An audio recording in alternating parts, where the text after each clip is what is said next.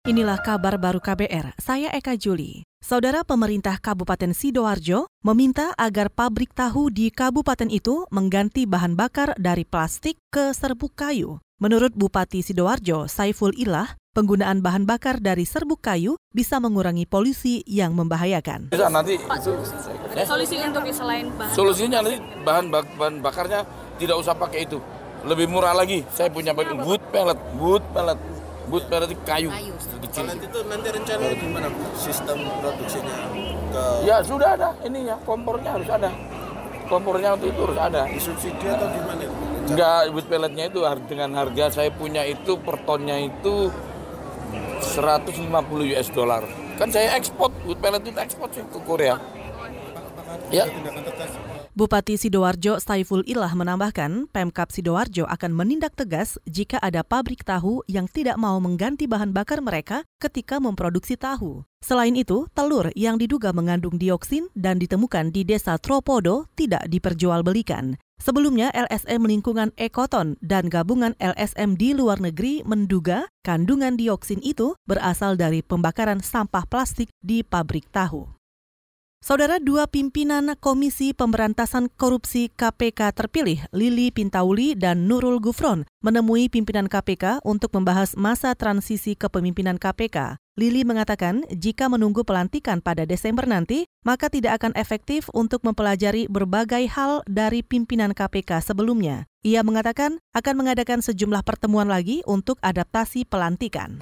Iya, karena kan kita paling nggak kalaupun habis pelantikan, presiden terus kita kemari lalu serah terima itu kayaknya nggak efektif kita untuk mau mempelajari kan. Jadi pe- perkenalan dulu kayaknya gitu tadi ya. Jadi kita membayangkan sebelum 19 atau 20 pelantikan kita bisa mungkin satu atau dua kali lagi kemari bertemu dengan teman-teman apa pegawai dengan pimpinan lama dan semua struktur. Jadi selain mengenalkan kita juga paham apa yang tersisa yang harus kita lanjutkan seperti apa gitu. Jadi tadi belum berat ya, belum ada apa-apanya. Sementara itu, Saudara Wakil Ketua KPK terpilih Nurul Gufron mengatakan kedatangan mereka ke KPK merupakan undangan dari pimpinan KPK saat ini. Pertemuan di antaranya membahas agenda-agenda KPK yang harus dilanjutkan. Masa jabatan pimpinan KPK saat ini bakal berakhir bulan depan.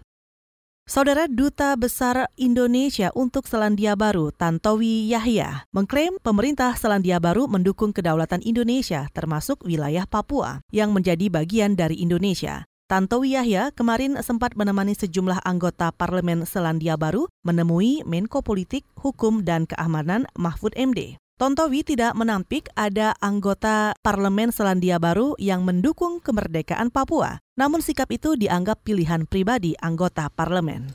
adanya eh, suara-suara yang mendukung Papua itu adalah opini pribadi dari beberapa anggota parlemen, kemudian media dan juga beberapa NGO. Tapi sikap resmi dari pemerintah Selandia Baru itu tidak pernah berubah. Mereka mendukung eh, wilayah teritorial Indonesia di mana di dalamnya termasuk Papua. Duta Besar RI untuk Selandia Baru Tantowi Yahya tidak menampik ada dugaan pelanggaran HAM di Papua. Namun ia menyebut Indonesia berusaha menyelesaikan dengan sungguh-sungguh kasus HAM itu. Agustus lalu, saudara, sejumlah negara di Pasifik menggelar Forum Kepulauan Pasifik. Forum ini memasukkan agenda pelanggaran HAM di Papua dan isu kemerdekaan Papua.